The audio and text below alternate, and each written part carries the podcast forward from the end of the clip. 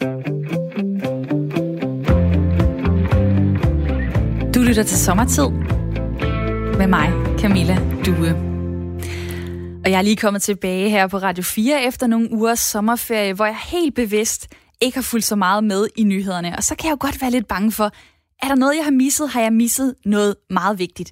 Derfor så er jeg glad for, at min gæst i dag er en, der de seneste måneder og seneste uger til punkt og prikke har fulgt og kommenteret det hotteste emne i nyhederne, som vender tilbage igen og igen, nemlig corona.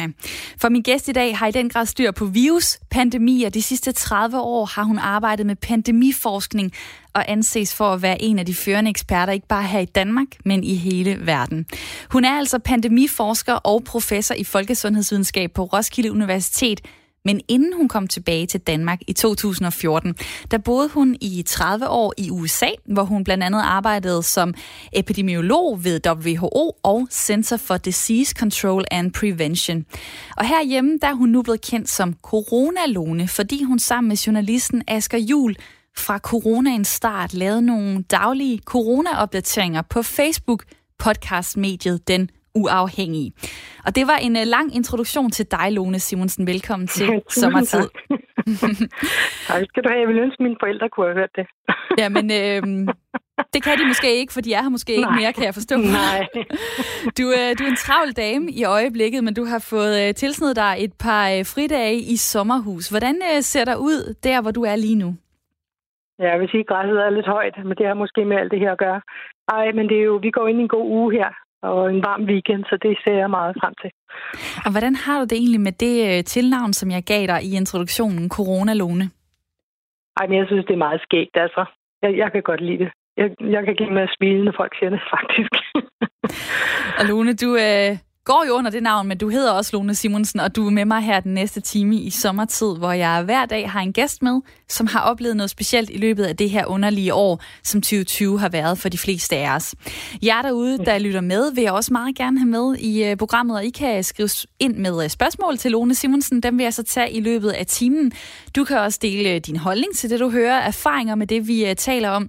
SMS-nummeret, det er 1424 du skriver R4 i starten af beskeden, så laver du et mellemrum, og så skriver du din besked herind til programmet Sommertid, hvor sms-nummeret altså er 1424. Start beskeden med R4. Lidt ekstra bonusinfo om min gæst. Hun er 61 år. Hun er vokset op i Farum. Hun blev uddannet i 1985 og har altså i 30 år arbejdet med pandemiforskning. Så er hun fraskilt og øh, gift nu igen og mor til tre voksne børn. De to døtre bor i øh, Washington D.C., mens du har en søn, der bor i øh, København, Lone. Men hvordan er det egentlig at have døtre lige nu i USA, hvor øh, coronaen jo øh, ser lidt anderledes ud, end den gør herhjemme? Ja, men det er jo noget, jeg går vildt op i. Jeg læser nyheder hver dag og studerer, hvad der sker, og det er jo også, altså, det er enormt sørgeligt at se det. Det er jo også, jeg er jo også øh, dobbelt statsborger, det er jo mit adopterede land. Så jeg synes, jeg ser det gå ned på første klasse, og det er virkelig øh, hårdt at se på. Hvor, hvor tit taler du med, øh, med dine døtre øh, om det?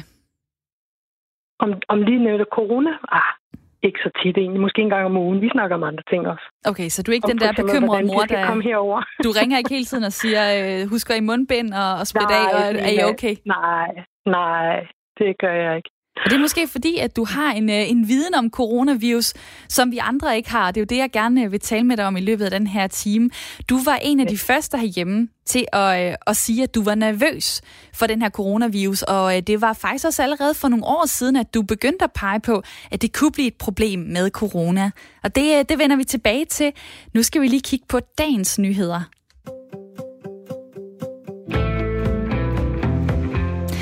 Der er det sådan, at du har øh, taget en historie med til mig. Jeg har taget en med til dig fra øh, nyhederne i dag. Vil du ikke øh, lægge ud med din historie? Jo. Jo, min historie er faktisk fra CNN Health i går. Jeg synes, jeg vil tage noget internationale nyheder, siden at øh, vi fokuserer tit så meget på Danmark herhjemme. Men øh, det, jeg virkelig festede mig ved, det var, at i England, i Storbritannien, er de ved at, at, at starte med en ny slags test for coronavirus.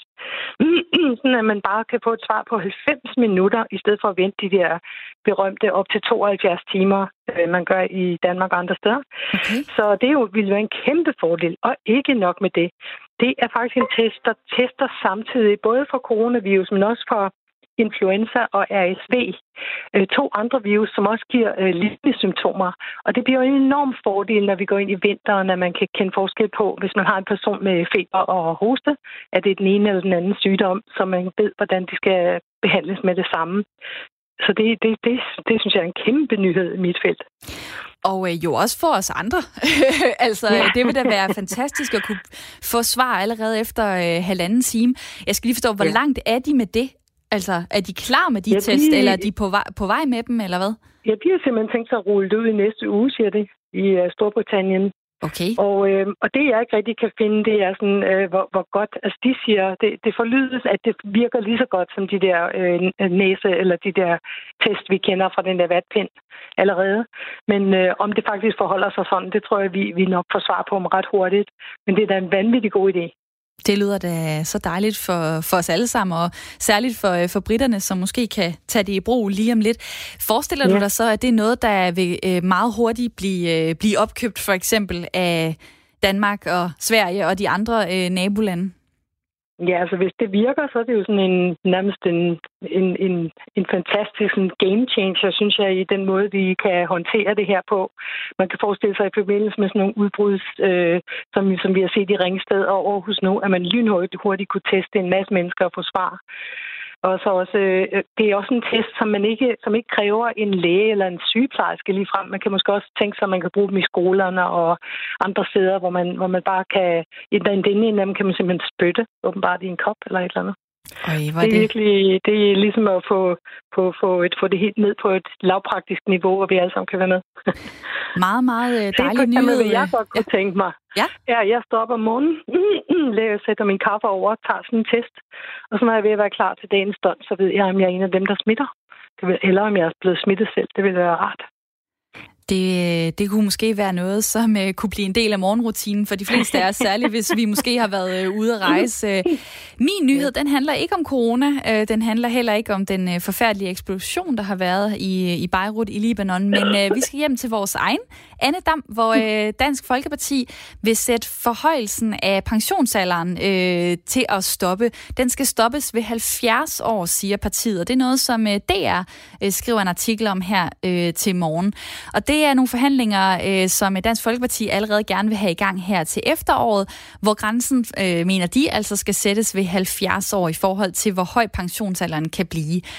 Og Lone, du har jo arbejdet øh, intensivt i mange år, øh, og med det samme område. Hvor meget tænker du egentlig over øh, din egen pensioner, når du skal stoppe øh, med den forskning, som du har gang i? Mm, ja, altså det er jo et meget svært spørgsmål, du stiller mig der. altså det er da... Altså mit arbejde er jo selvfølgelig øh, sådan lidt, som, som er også er min hobby, så det er sådan lidt svært at forestille sig, at jeg nogensinde ville stoppe helt med det her. Men om jeg ville finde på en måde at arbejde, så jeg ikke skulle bruge så mange timer, jeg har jo brugt simpelthen, ja, altså op til 18 timer i døgnet i foråret, bare på at holde mig i og, og forske selv og alt det der. Så, så, og så skrue lidt ned for det der, det kunne jeg måske godt forestille mig på et eller andet tidspunkt, når jeg bliver 70. Når du bliver 70, okay, fordi du er i start uh, 60'erne, og yeah. mange af de uh, gæster, som jeg har med i det her program, jamen, dem vil jeg kar- karakterisere som uh, ildsjæle. Nogen ville sige arbejdsnarkomaner. Altså det er folk, som ikke rigtig lige tænker, at de vil uh, hoppe ud i, i pensionslivet så snart, som det kan lade sig gøre. Uh, hvis jeg spørger ja. dig sådan direkte, hvornår skal du så på pension? Så aner jeg det simpelthen ikke. Det kommer an på så mange ting. Nu har jeg lige fået et øh, kæmpe forskningsprojekt op at køre, der skal køre de næste tre år for Carlsbergfondet. Så det er jeg selvfølgelig det, det, det skal jeg. Og så er jeg jo helt øh, besat af de der historiske pandemier, som vi også undersøger. Og øh, jeg tror ikke, jeg kan holde op med det. Hvis man er interesseret i det, så kan man se nogle fjernsynsprogrammer om det hen over august, hvor vi prøver at vise pandemimysterier fra fortiden også sammen med Asger Jul. Så det er, sådan, øh, altså det er, jo, det er jo også altså det er jo skide spændende, det er. Det er som at være sådan en medicinsk detektiv fra fortiden eller og nutiden. Så en meget stor del af dit liv og af din identitet er måske dit arbejde? Ja, det må man vel sige. Men jeg har altså, vil jeg lige sige, at jeg er ikke en total nørd. Jeg elsker også at læse og svømme og cykle og passe min have og være en god ven og mor og andre ting. Så jeg, jeg prøver sådan at sprede mig ud, men nogle gange så er der ikke nok timer i døgnet, det må man jo sige. I hvert fald ikke, hvis man bruger 18 timer på at, øh, at arbejde øh, på corona de sidste måneder. Så er der ikke meget tid til noget som helst andet. Øh, ikke engang at tage en test måske, men øh, hvis øh, det bliver de der... det har jeg da. det har du gjort, okay. Øh, Ja, jeg vil jo lige se, hvad det er, man bliver udsat for. Så det har jeg skam prøvet både blodtesten og, og den der øh, pind ned i, i halsen test. okay, var det slemt? Nej, det var det egentlig ikke. Det synes jeg, jeg havde hørt, det var værre. Det var det slet ikke. Dig, der lytter øh, til det her program, øh, det er programmet Sommertid på Radio 4. Min gæst i dag er Lone Simonsen, som er pandemiforsker og professor på Roskilde Universitet. Og som du kan høre, så er vi godt gang i en øh, snak. Det er rigtig hyggeligt. Du kan også være med dig derude, hvis du har et spørgsmål. Så send det ind på sms nummeret 1424. Det kan være, at du har et corona-relateret spørgsmål. Surprise! Send det ind til mig på, på nummeret øh, 1424. Du skriver R4 i starten af beskeden, så laver du et mellemrum, og så kommer den her ind til mig, og så får du altså øh, svar fra en af landets, eller måske verdens dygtigste øh, pandemiforskere, hvis du har noget, du øh, kunne tænke dig at vide, enten om corona eller andre øh, pandemier, eller måske Lones privatliv. Du sender det ind på øh, 1424 og skriv R4 i starten af beskeden. Lone, øh, nu nævnte du lige øh, Asger Jul øh, før. I har lavet nogle corona-relaterede dagbøger, kunne man kalde det, på, øh, på Facebook, hvor man har kunne Ja. se ham interviewe dig, og du øh, deler så ud af din viden, og du ved jo så meget om pandemier. Øh, faktisk allerede for to år siden i programmet 24 spørgsmål til professoren på Radio 24 der sagde du sådan her. Coronavirus har flyttet sig fra dyr til mennesker fire gange, så det er måske noget, man skal være bekymret for. Og skik der noget tid, så var du den første herhjemme, der kaldte virusen for en pandemi. Sidder du med sådan en, øh, hvad sagde jeg fornemmelse i forhold til, hvor voldsom coronavirus øh, er blevet, og at det er blevet til en pandemi? Nej, det gør jeg. Det prøver jeg virkelig aldrig at tænke sådan der. Jeg tænker mere, at jeg kommer med en unik vinkel, som ikke er så almindelig herhjemme, som er mere almindelig andre steder i udlandet, USA og England og andre steder. Altså man kommer med, ja, det jeg kommer med, det er simpelthen, jeg har set på måske 30 pandemier eller nogle virus, der så ud som om de måske kunne blive pandemier, og så har jeg fået mig sådan et, et indtryk af, hvad der er vigtigt og hvad der ikke er vigtigt, hvad man skal holde øje med. Så jeg tror, jeg havde en meget god næse for de tidlige øh, øh, ting, der skete der, da den var i Wuhan i Kina, og da den begyndte at sprede sig. Øh, det jeg så, det var en virus, som havde et meget, meget bredt klinisk spektrum, sådan at man kunne faktisk sprede den uden selv at vide, at man var syg. Og, det, og så spredte den sig også altså, så hurtigt som, øh, som spanske sygen eller SARS i 2003. Og det fik mig til at tænke, at denne her, den har lært, den coronavirus, der har lært, hvad det vil sige at blive til en pandemi. Og det var det, jeg begyndte at snakke om det. Øh, og så, øh, så tog det et godt stykke tid, ja, faktisk før, at at vi troede, andre troede, den kom til Danmark, og at den ville blive en pandemi. Men altså, der, øh, der ved jeg ikke, der brugte jeg simpelthen min, min, øh, min, min erfaring fra alle de pandemier, jeg har studeret, både i historisk Danmark og også i Ebola og SARS i 2003, og hvad har du? Så, øhm, så jeg, jeg var bare egentlig glad for, at, min, øh, at det, jeg havde at tilbyde, kunne faktisk øh, være, være, til, være til gavn. Jamen, hvem, gik, hvem gik du til med den viden? Altså, hvis du uh, kunne forudse det her, det bliver altså en pandemi. Lige nu er den i Wuhan i Kina. Nu kommer den til Europa, og den kommer også til Danmark. Hvem kunne du så gå til med den viden? Ja, så den måde, jeg, jeg sådan, fik, min, fik mine synspunkter ud på, det var meget gennem øh, først P1-orientering, som ligesom de, de optog mig som sådan en husepidemiolog eller et eller andet. Så jeg har faktisk været rigtig meget der i starten og, og udtale min uforgribelige mening om, hvad jeg troede, hvad der skete. Og så da ligesom nyhederne døde lidt ned, så startede Asger og jeg det der, øh, den uafhængige programmet, hvor vi lige prøvede at gå i dybden om, hvad hvad det var, der skete. Så øh, nej, jeg synes, jeg, og så ret hurtigt efter, så fik jeg jo en indbydelse til at være en øh, ekspertrådgiver til øh, Søren Brostrøms øh, Sundhedsstyrelsen. Ja, for jeg Så tænkte, hvorfor synes, jeg gik du ikke til Sundhedsstyrelsen? Til at blande mig. Hva? Hvorfor gik du ikke til Sundhedsstyrelsen? Med min idé? Ja. Nå, men altså, de, de, de, de har jo også, øh, altså, de har jo Statens Serum Institut og rigtig gode epidemiologer der. Jeg tror, at alle var klar over, at, at der var epidemiologer som, som mig ude i verden, som sagde, hov, den her, den, den kommer til at sprede sig, og det kommer til at være verden rundt. Mm. Øhm, men jeg synes ikke rigtig, at jeg havde hul igennem til dem. Altså, jeg, jeg kender godt øh, mine kolleger på Statens Serum Institut, øhm, men og dem vil jeg nok have det. Jeg tror nok, jeg snakkede med dem. Jeg ved ikke, det kan jeg faktisk ikke huske. Men det er bare fordi, Men jeg du siger, du siger at du har, du har en... Øh, undskyld, jeg afbryder dig, men du siger bare, at du ja. har en uh, unik vinkel på det.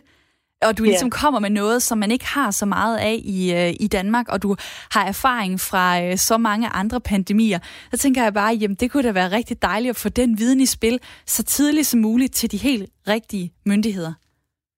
Ja, men det skete jo også relativt hurtigt, at jeg kom med i det der eksperthold, som en lille gruppe øh, mennesker, som, som vejledt, eller som, som taler simpelthen regulært, altså en gang hver flere gange om måneden mm. øh, med Søren Brostrøms team om, hvad, hvad der sker. Sådan, vi, vi forventer forskellige ting, uden at, at det er så, så øh, altså, der er presse til stede. Det er bare sådan, vi får simpelthen en snak om, hvad der sker. Så jeg synes egentlig, jeg har fået en rigtig god chance for at, at blive hørt i mit, øh, mit hjemland. Og når du, øh, når du skal så fortælle, jamen, øh, hvad er det for nogle tegn, du, du kigger på, så kunne jeg forstå, at det er noget omkring, at den, den spreder sig meget hurtigt, øh, coronaen, og man kan øh, sprede den selv, uden at man øh, ved, man er øh, smittet.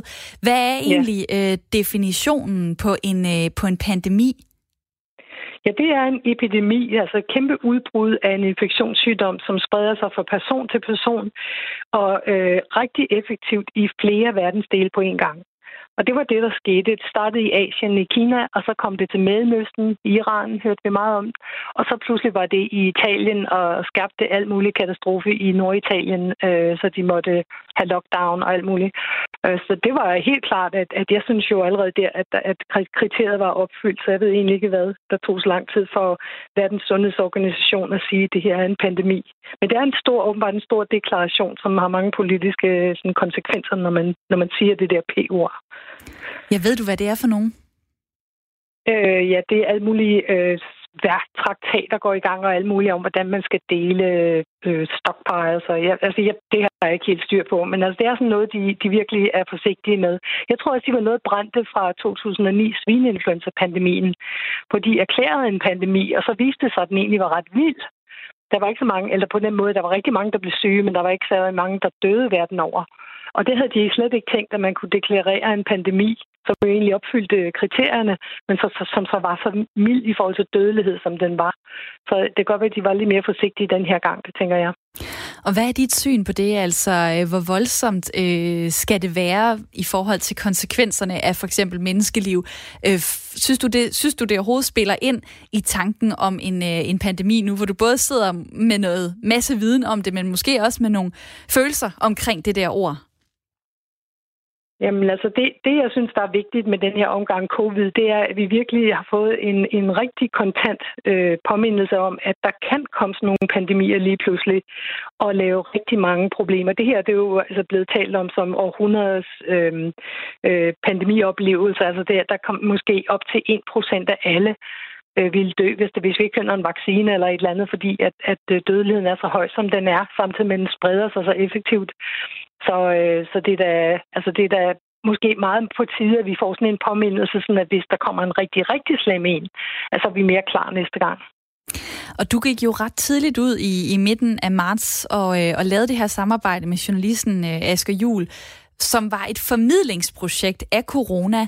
Øh, hvorfor valgte ja. du egentlig at bruge så meget øh, af din tid på det, øh, på at formidle og fortælle, i forhold til måske at, at sidde og, øh, og nørde og forske og hvad ved jeg. Hvorfor skulle du ud og, og have den formidlingsrolle?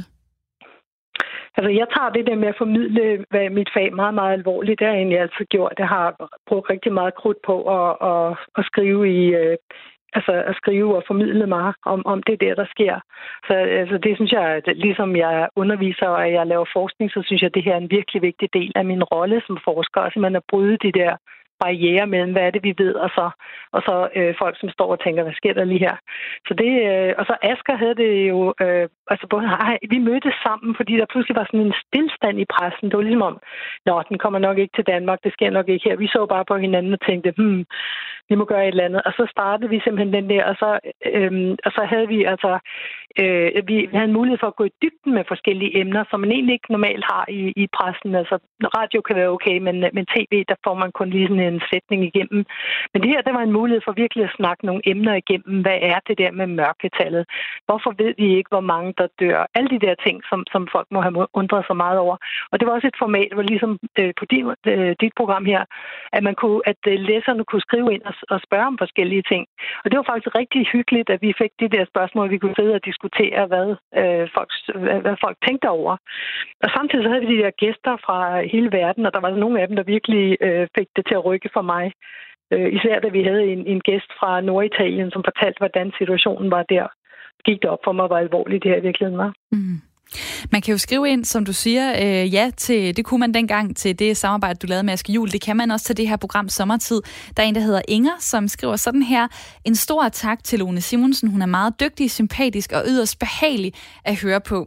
Og sms-nummeret er øh, 1424, hvis dig derude har et øh, spørgsmål til øh, Lone Simonsen, eller hvis du har lyst til at kommentere på det, du hører, så skriv 1424, og så i starten af beskeden, der skriver du lige R4, så laver du et mellemrum, og så kommer det her ind øh, til mig. Så altså en uh, ros og tak for, øh, for det, du har øh, gjort i forhold til din formidling. Øhm, Ej, noget... tusind tak, Inger. Det gør mig glad. det er godt, du også lige øh, kan svare rigtig pænt på det.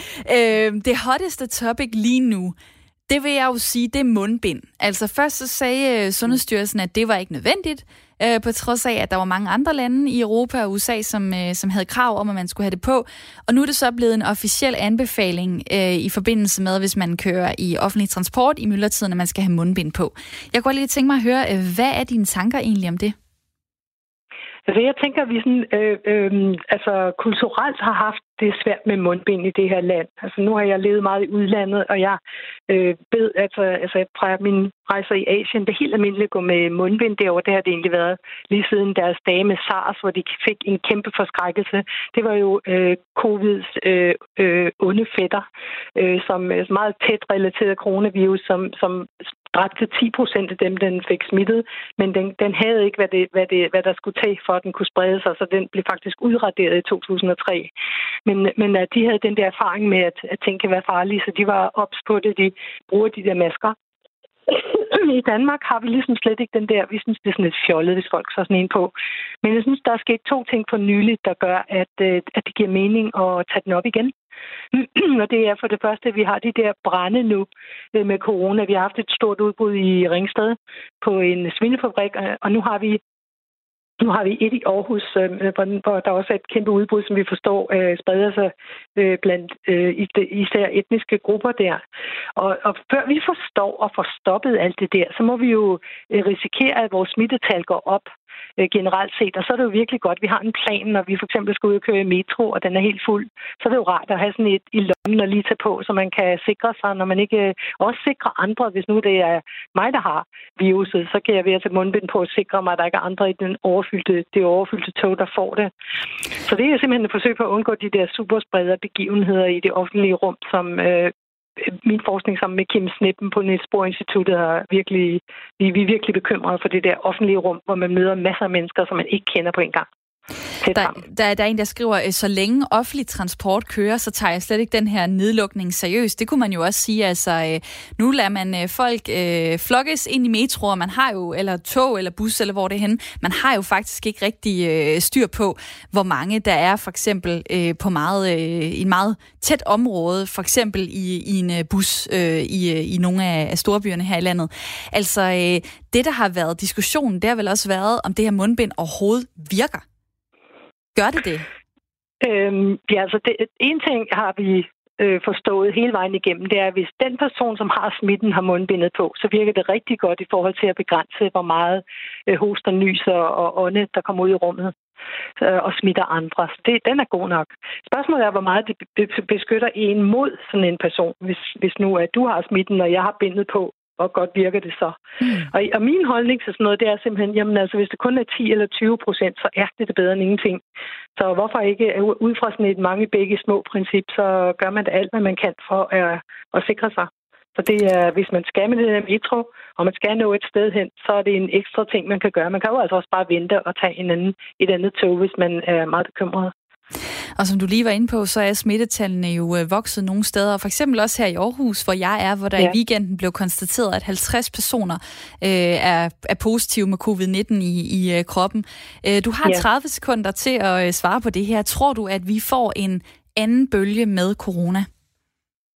Altså, det ved jeg ikke, fordi vi har beredskab nu til både at teste og opspore de smittekæder. Men det, der bekymrer mig, det er, at i Melbourne, som er meget ligesom øh, København eller Aarhus, der har de faktisk en storby, der har de faktisk pludselig fået en epidemi på hånden, som de ikke rigtig kan kontrollere, og de er fuld lockdown igen. Sådan en situation vil vi ikke hen til. Og du rammer de 30 sekunder øh, helt perfekt, fordi så kan jeg lige nå at sige, at uh, vi vender tilbage uh, lige om lidt, men de næste fire minutter, der skal du have et nyhedsoverblik. Imens skal du sende en sms ind på 1424, start besked med R4, hvis du vil skrive noget til Lone Simonsen.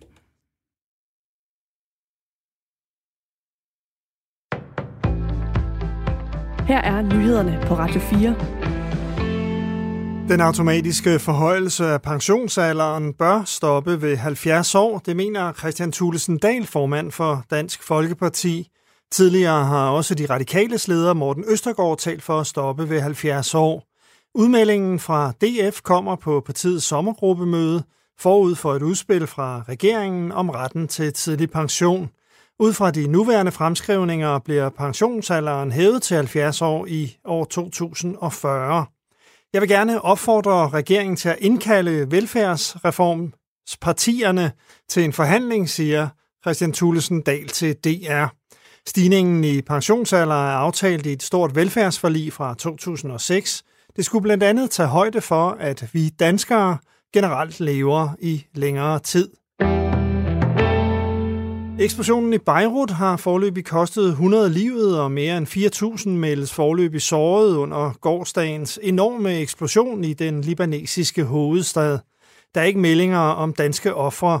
Libanesisk Røde Kors oplyser, at der stadig ligger ofre i ruinerne. Eksplosionen skete på et lager på havnen, hvor man opbevarede stærkt sprængfarlige materialer – den store trykbølge fra eksplosionen har også beskadiget både den danske ambassade og medarbejdernes boliger, siger ambassadør i Beirut, Marete Jul. Det, jeg har set øh, billeder af indtil videre, og jeg ved, er, er den helt karakteristiske skade, det er glas, altså ruder, der, der, der springer, og jo så øh, falder ind i bygningerne, ind i, ind i rummene. Der er mystik om regeringens coronastyrelse, der skal stå klar i løbet af denne måned, men som stadig lader vente på sig. Radio 4 har spurgt flere politiske ordfører og kommuner, der alle venter med stor interesse på særlig placeringen af den nye styrelse, men som intet har hørt. Det undrer også SF's retsordfører Karina Lorentzen. Det er super mærkeligt, at vi ikke ved øh, dels, hvor Værnemiddelstyrelsen skal ligge, øh, og hvem der skal bemande den. Man skulle jo synes, at når planen er, at den skal køre i august, så har man også efterhånden nogle svar på øh, de her spørgsmål. Smittetallet stiger øh, drastisk, og derfor er det jo vigtigt, at vi har alle planer på plads øh, i forhold til en eventuel bølge 2, øh, og derfor kan det jo undre, at når man nu har sagt, at man laver en værnemiddelstyrelse, at, øh, at man ikke har meldt yderligere ud omkring det, øh, og det vil jeg da opfordre regeringen til at gøre. Retsordføreren kritiserer regeringen for manglende åbenhed om processen, fordi det gør det svært for kommunerne at byde ind som værtsbyer for styrelsen. For at tilpasse sig et lavere aktivitetsniveau planlægger Københavns Lufthavn at nedlægge 650 stillinger. Til sammenligning har lufthavnen i dag ca. 2600 medarbejdere. Nedlæggelserne er blevet annonceret i forbindelse med et halvårsregnskab fra lufthavnen – der viser et minus på 178 millioner kroner. I Aarhus Kommune ser det ud til at være en smittekæde i somaliske kredse. I hvert fald er 61 af sidste uges i alt 78 nye tilfælde med coronasmitte blevet konstateret blandt personer med somalisk herkomst. DSB ophæver kravet om pladsbillet i sine tog, det sker efter, at Sundhedsstyrelsen har anbefalet brug af mundbind i den kollektive trafik, når der er trængsel. Siden midten af marts har kunderne skulle anskaffe sig en gratis pladsbillet for at rejse med DSB's tog.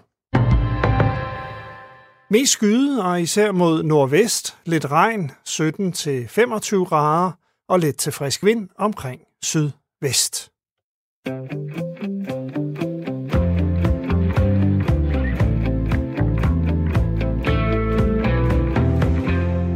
Velkommen tilbage til programmet Sommertid, hvor jeg er din vært. Jeg hedder Camilla Due.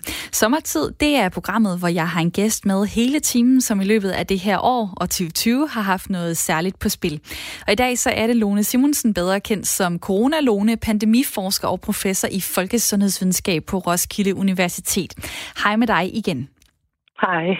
Og du ved jo uh, mega meget om pandemier, og alle de nyheder, vi lige hørte i nyhedsoverblikket, dem har jeg faktisk lyst til at spørge dig ind til, men så meget tid har vi ikke. Men lad mig tage nogle af de sms'er, der er kommet, fordi folk er ret optaget uh, af det her uh, mundbind. Der er to ja. spørgsmål, som jeg lige vil slå lidt sammen her. Der er en, der skriver, jeg har en støvmaske af bedste kvalitet. Kan den bruges i stedet for mundbind? Det skriver Benny på sms'en. Og så er der Ulrik, der skriver fra Nordfyn. Spørg om, hvorfor man ikke har valgt at give sundhedspersonalet gasmasker fra forsvaret, som er 100% tætte. Lone, kan du høre mig her? Ja, det kan jeg. Jeg så lige det... et fallout her. du havde et fallout. Øh, du skulle måske lige øh, samle lidt... Nej, jeg tror, jeg er med på den. Jeg er med lidt, på den. Lidt vidende ind. Med, med, med, sin, med hans øh, gode maske der. Ja, støvmasken. Ja, altså, der er jo... Kan den ja, bruges altså, i stedet for ja. bind? Mundbind? Det, man skal tjekke, det er, om den er CE-registreret, og jeg tror, at øh, man kan se på Sundhedsstyrelsen, Søren Brostrøm fortæller om det her. Og problemet med sådan nogle masker, som er rigtig, rigtig gode, det er jo altså prisen. Så, så hele fidusen er, altså, man kan klare sig med, med de der, der er mindre, øhm, der er mindre dyre end, end sådan en der. Så, og, og så, altså, fordi at man skal smide dem væk bagefter formodentlig, så er det jo ikke særlig fedt, hvis det er ens dyre maske, man også skal bruge til andre ting. Og hvad med spørgsmålet fra Ulrik omkring øh, gasmasker til sundhedspersonalet, som er 100% tætte?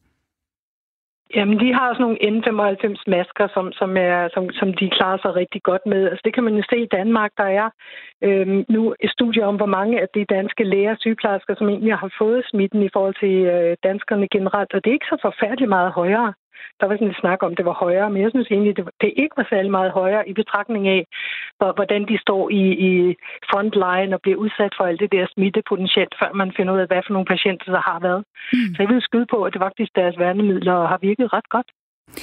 Og øh, nu hvor vi er ved det med mundbind, så øh, kunne jeg jo lige høre vores nyhedsvært Henrik Møring fortælle om det her med Coronastyrelsen, at man ikke helt ved, hvor øh, skal den ligge henne, er den på vej, hvad er det egentlig, der sker? Det var regeringen, som var ude at sige, at de ville øh, sørge for en øh, ret stor oprustning i forhold til at anskaffe værnemidler og test osv. Og, så videre.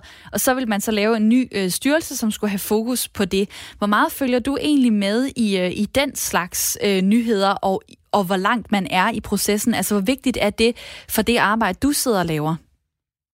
Altså, jeg, føl, jeg har ikke lige fulgt med i den der øh, specifikt værnemiddelstyrelsen, men, men ideen er jo helt genial, fordi at det her bliver jo ikke den sidste pandemi, vi oplever. Vi ser historisk, at pandemier kommer hver, hver 40 år eller, eller mere øh, frekvent. Ikke? Så det er jo vigtigt at være klar, og det tror jeg er noget, vi virkelig har lært fra den her pandemi, det er, at vi skal være meget mere klar med testkapacitet og værnemidler næste gang. Så det er måske det, der tænkes, at når det siges X i fremtiden kommer, så er vi klar på den gode måde næste mm. gang.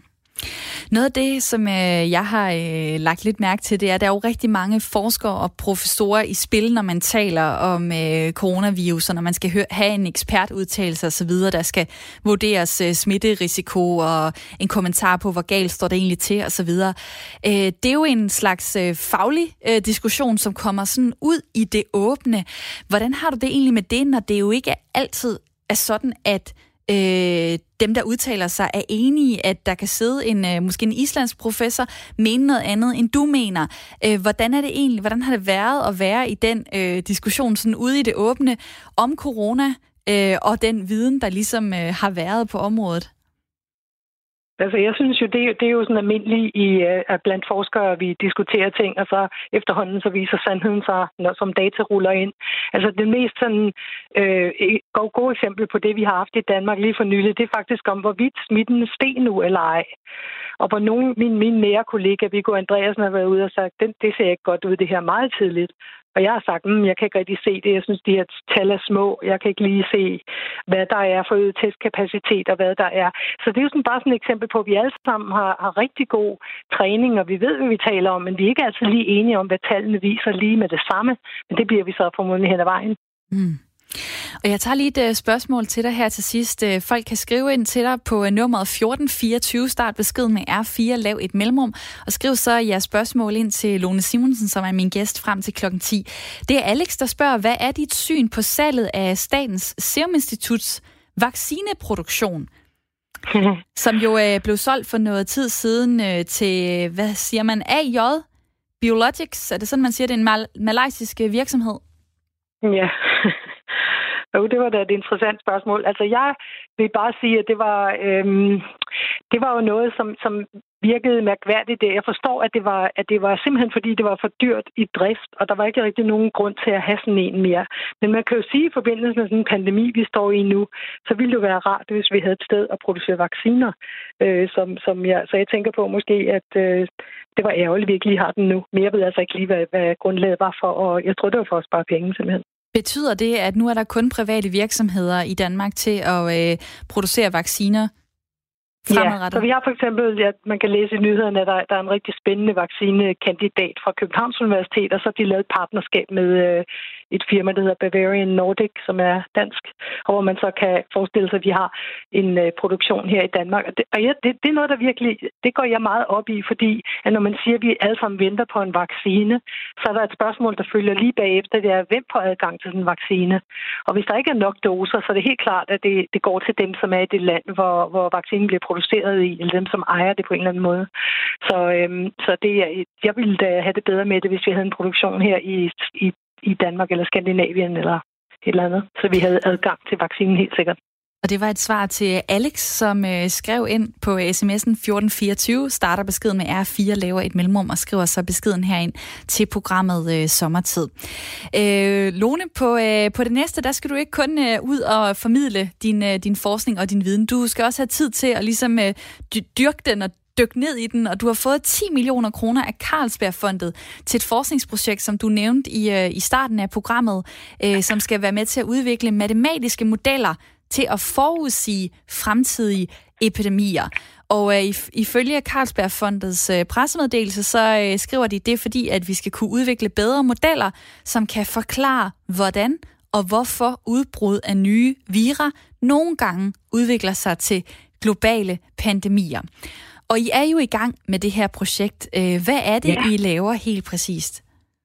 Ja, altså det er en meget, meget interdisciplinær eller tværfaglig øh, projekt, vi har gang i. Det er måske også lidt usædvanlig forskning, men vi sidder øh, matematikere, fysikere, epidemiologer som mig selv og øh, historikere praktisk og prøver at finde alle mulige øh, data fra, hvad der er sket i fortiden. Og så øh, altså den store idé, det er selvfølgelig, at der er noget information at hente i, hvad der skete dengang.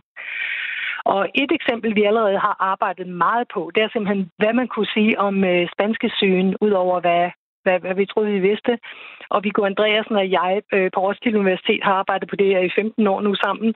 Og vi fandt for eksempel unikt en, en første, mild første bølge i sommeren 1918. Og det er jo interessant, at man, at man kan have en anden bølge, der er mere dødelig, som vi havde den i efteråret. Altså det var, mm. det var nok unikt. Det andet, vi har virkelig øh, lagt øh, vores data i, derfor at vise, at de ældre, dem der var over måske 50 års alderen, øh, det gik fuldstændig, da den spanske søen, det var overhovedet ikke noget, der dræbte dem. På ingen måde. De havde nemlig øh, deres øh, forsvar fra, de, da de var fra deres oplevelser i barndom med influenza. Så sådan noget, det, det kalder vi jo grundforskning i pandemier. Hvad kan man lære af de der mønstre? Hvad er det, man skal se efter, både med hensyn til, hvordan de spreder sig, og hvor dødelige det er, hvem der dør. Og så kan man simpelthen, mit håb er, at vi kan lave sådan en hel katalog af alle mulige forskellige virus og bakterier, som har pandemipotentiale, og så begynde at forstå noget om, hvad man skal kigge ud efter, og også hvordan man skal øh, øh, putte parametre i de der modeller, vi laver, øhm, så, vi kan, så vi kan få en ordentlig idé om, hvad vi skal være mest bekymrede over. Og nu må folk ikke tro, at jeg har øh, klæbehjerne. Det her det kommer fra Wikipedia, jeg lige smuttede derind. Den spanske syge var en influenzaepidemi, verdensomspændende fra 1918 til 1920. Flere end ja. 50 millioner døde, og der var 15-18.000 danskere øh, blandt de døde. Kan man virkelig lære noget af en epidemi, som er 100 år gammel? Altså har, har vores samfund ikke forandret sig så meget? Øh, måden vi bevæger os på, måden vi er sammen på, måden vi fester på, og så videre og så videre. Den viden, vi har til, at man... Altså, kan man overhovedet bruge den viden, som er 100 år gammel? Jamen, det er jo da et rigtig godt spørgsmål, og jeg mener jo svaret er ja. et rungende ja. Fordi nogle ting har ændret sig, men nogle ting er de samme. Øhm, så, og det er faktisk sådan, at hvis man gerne vil studere epidemier og pandemier, eller især epidemier nu om dage, så er det meget svært, fordi enten er man i et land, hvor, hvor, man, hvor der er vacciner, og der er taget hånd om det, og, og der er ikke særlig meget dødelighed, så det er simpelthen svært ved at få studere dem ordentligt. Eller også er man i lande som i, i tredje lande i Afrika, hvor der faktisk er blevet rigtig fedt at se, hvad for eksempel mæslinger gør her. Men det kan man ikke, fordi data er dårlige. Så kan man faktisk ty til historiske data og ligesom se de der epidemier og pandemier udfolde sig, sådan, uden at man gør noget. Så det er, det er sådan, man får sådan et rent indblik i, kommer der bølger, øh, hvem bliver angrebet og alle sådan nogle ting. Så det, det er, det er virkelig øh, topmateriale, det synes jeg. Og ja, Danmark har helt fantastisk og meget underbrugt øh, datamateriale fra altså, læger og, og statistikere har simpelthen øh, sat et, et helt fantastisk datamateriale op. Og vi har statens arkiver, som er i gang med at, øh, at digitalisere alle de der sundhedsdata. Vi har simpelthen sådan en fantastisk øh, mængde data, som vi kan bruge til, at, til sådan noget forskning her. Og det sidder der for dig til at sidde og øh, smøre dig, hvad, hvad kalder man det, Kla, klap i hænderne, øh, ja, glæde dig over, at, at der er så meget at, at tage ja. fat på. Øh, hvor lang tid kommer, kommer projektet til at, at løbe, og hvornår er I klar med nogle resultater, hvis man kan kalde det det, som kan bruges? Ja, altså man kan sige, at jeg kan slet ikke få armene ned over det her. Det er måske også en af grundene til, at jeg kommer tilbage til Danmark, ud over mine personlige grunde. Så, øhm, så er det jo forskning, som, som vi... Det er jo ikke bare noget nyt. Det er noget, som Viggo Andreasen og jeg øh, på RUK har gjort siden 2006, tror jeg. Han fik mig ind i at bruge alle sommer på at kopiere ting i, laborator- i, i registre. Øhm, så øhm, så øh, ja, altså det er, bare, det, er bare helt fantastisk, at vi nu har de penge, der skal til at faktisk at folde os ud på den, på den mere sådan brede måde, så vi kan studere alle mulige pandemier. Vi vil gerne i gang med kopperepidemierne i 1800-tallet, og, og vi vil studere øh, pest i, øh, i sådan nogle øh, områder i, i 1700-tallet, som vi har som en af mine øh, studerende har nogle data fra. Og så, så har vi simpelthen øh, alle mulige planer med at studere mystiske epidemier i Danmark, som, øh, som var enormt meget mere dødelige end den her covid, men der er ikke nogen, der taler særlig meget om dem. Så det er virkelig spændende, hvad, og, hvad egentlig er, der er foregået. Og hvor lang tid har I til at nå igennem alle de øh, pandemier? Ja, nu, nu det, det, når man får sådan et stort øh, forskningsbevilling, som vi har fået, så er det jo bare begyndelsen, tror jeg, til, at vi faktisk får et stabilt team, som kan arbejde i mange år på det her. Og måske kan vi simpelthen lave en, en regulær pandemiforsknings øh, øh, øh, afdeling eller, eller øh, hold i Danmark, som faktisk undersøger sådan noget her. Der, har, der har jo ikke været meget af det, må man sige, i Danmark. Det, det er noget, der er mere sådan almindeligt i USA og England for eksempel, Holland.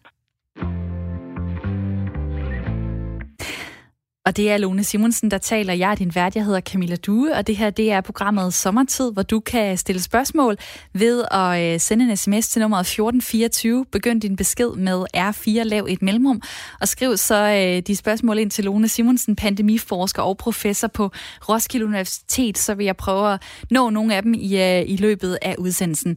Programmet her, det hedder jo også Sommertid, og det er fordi, vi også godt kan lide at give jer derude lidt sommerstemning.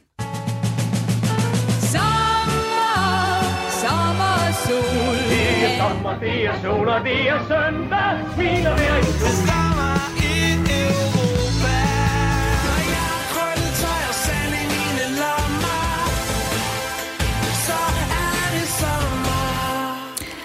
Og så har selv de uh, tungnemme forstået, at uh, det her det er en jingle, der skal give et lille smil på læben og minder om, at det er sommer, selvom vejret her i Aarhus lige nu er uh, ret så gråt og uh, kedeligt.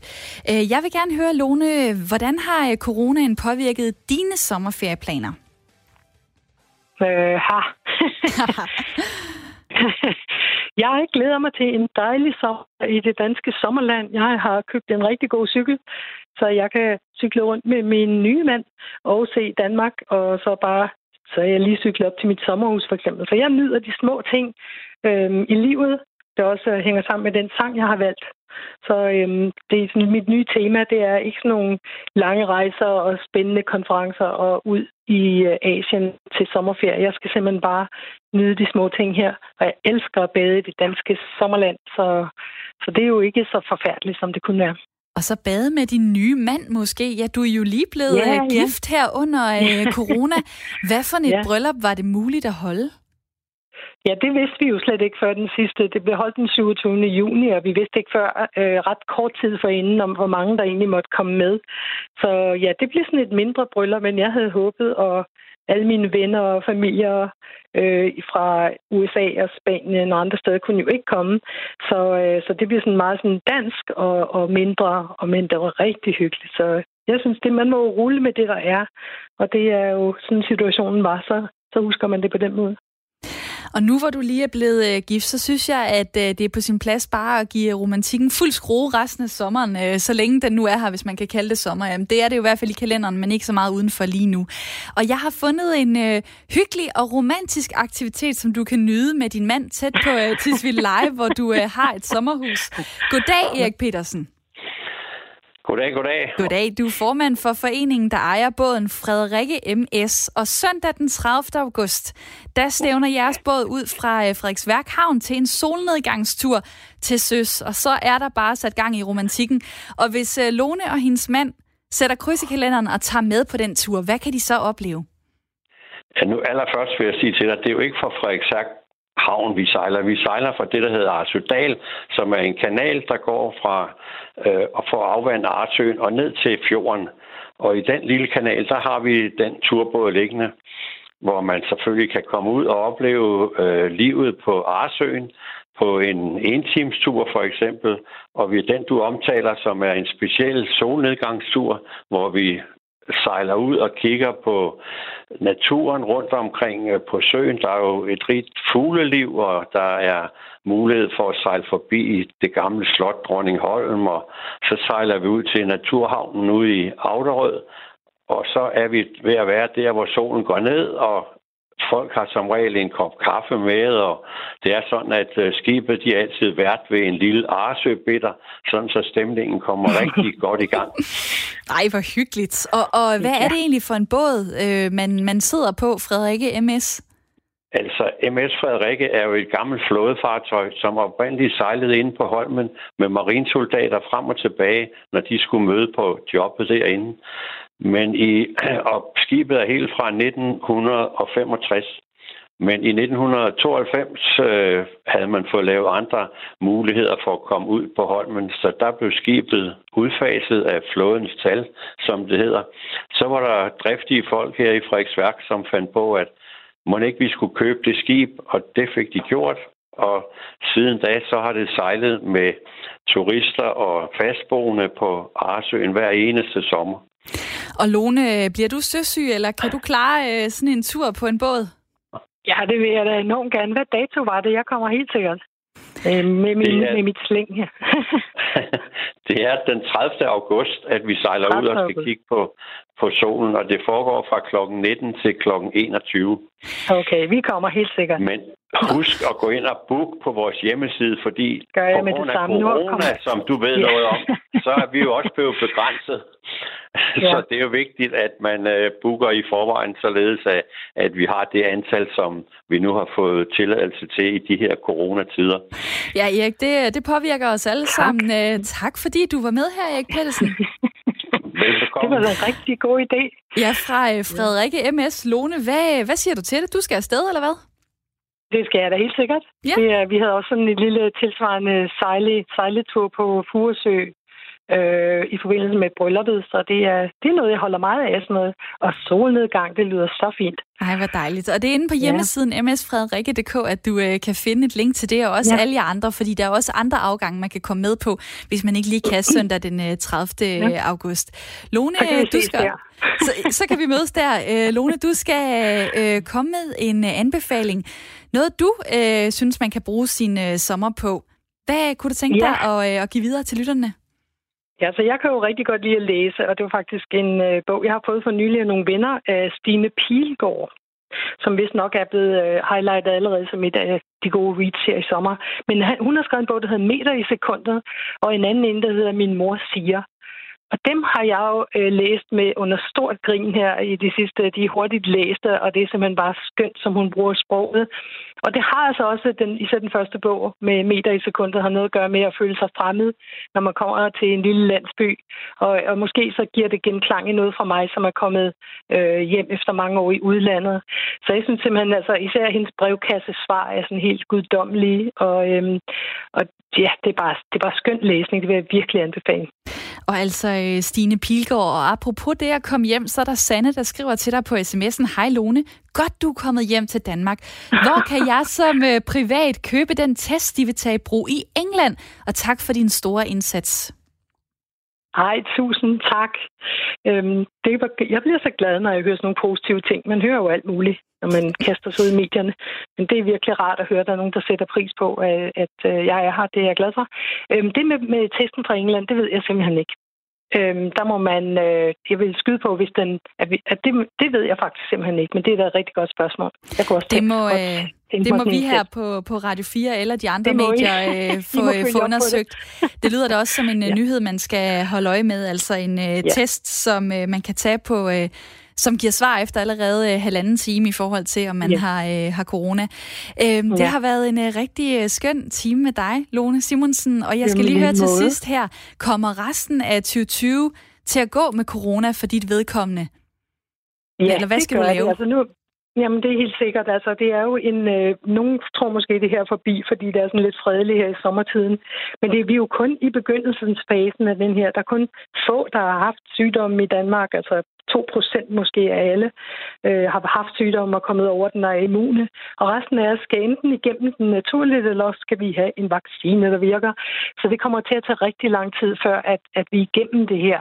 Så selvom der måske er lidt lavt energi i Danmark i, i epidemien, vi har god kontrol, det håber jeg, at vi har fremover, så, så kigger jeg jo rundt i hele verden. Jeg følger med, hvad der sker i Australien, i Asien, i Afrika, Sydafrika nu, øh, Israel, Tyskland, Spanien og alle mulige, og så i Brasilien, og prøver at forholde mig til alt det der, hvordan man egentlig skal, og så et emne, der for eksempel interesserer mig, er, hvordan man overhovedet skal kontrollere sådan en pandemi, hvis man ikke har midlerne til faktisk at understøtte øh, folk i sådan en fuld lockdown. Mm. Øh, hvis man har sådan nogle meget fattige dele af populationen, som slet ikke kan undvære deres, deres arbejde for at overhovedet få mad på bordet, hvad gør man egentlig så? Sådan nogle spørgsmål går jeg også og, og interesserer mig for at prøve, prøve at hjælpe med til at svare på. Og hvis, øh, hvis du lige skal øh, svare kort, du bruger betegnelsen lang tid. Den kommer til at være ja. her i lang tid. Hvad er det? Ja, så jeg vil skyde på, at vi får nogle gode behandlinger, øh, som, som øh, altså for eksempel passiv immunisering, sådan nogle antistofbehandlinger, øh, sammen med de andre behandlinger, som, som er ved at blive øh, komme på, på banen. Det, det er jo en god ting. Øh, og et vaccineperspektiv, det er måske altså, øh, i optimistiske, med optimistiske briller på et år ude i fremtiden. Øh, det kan også være længere. Det kommer på, hvor, hvor, hvordan de klarer den i det der øh, safety og mm. efficacy testing, som de skal igennem nu. Der, går, der er jo rigtig mange kliniske tests til at finde ud af, om de er sikre og effektive.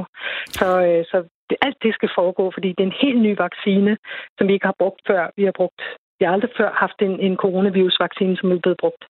Så det skal virkelig være ordentligt. Det, det sagde Lone Simonsen, pandemiforsker og professor på Roskilde Universitet. Og tak, fordi du var med i dag. Og du skal sende vores lyttere videre med en sommersang, som du har valgt. Hvad skal jeg sætte på? Jamen, jeg synes, du skal sætte... Det, det var svært for mig, for jeg elsker musik, men jeg tænkte, du skulle sætte Lou Reed Perfect Day på. Fordi den minder os om, at, at hver dag er, er dejlig og specielt. Man skal tænke på alle de små ting, som egentlig er rigtig, rigtig gode. Som for eksempel at, at bruge en dag sammen med en, man holder meget af. Og sådan... Øh kan jeg sætte den stille og roligt på. Lou Reed blev øh, 71 år. Han døde i øh, 2013, men øh, musikken den har vi stadig. Og her får du Perfect Day fra 19 72. Just a perfect day. Drink sangria in the park. And then later When it gets dark we go home.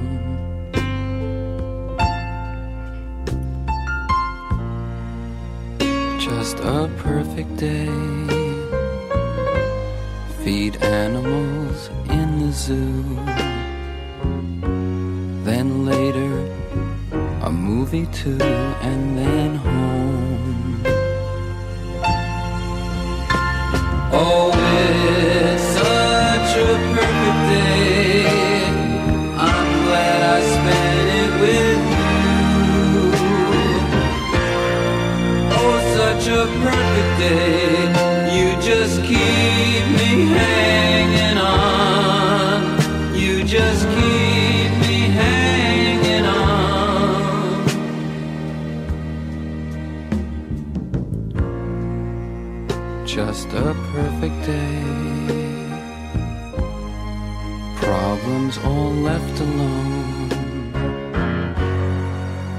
Weekenders on our own.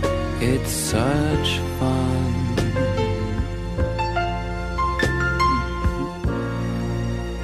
Just a perfect day. You made me forget myself. I thought I was someone else, someone good. Musik fra Lou Reed, valgt af min gæst i dag, Lone Simonsen, pandemiforsker. I morgen der snakker jeg med Nikolaj Sederholm, der er dramatiker og instruktør, og jeg håber, at du har lyst til at lytte til sommertid også i morgen. Jeg hedder Camilla Due, og jeg er tilbage i morgen kl. 9.05.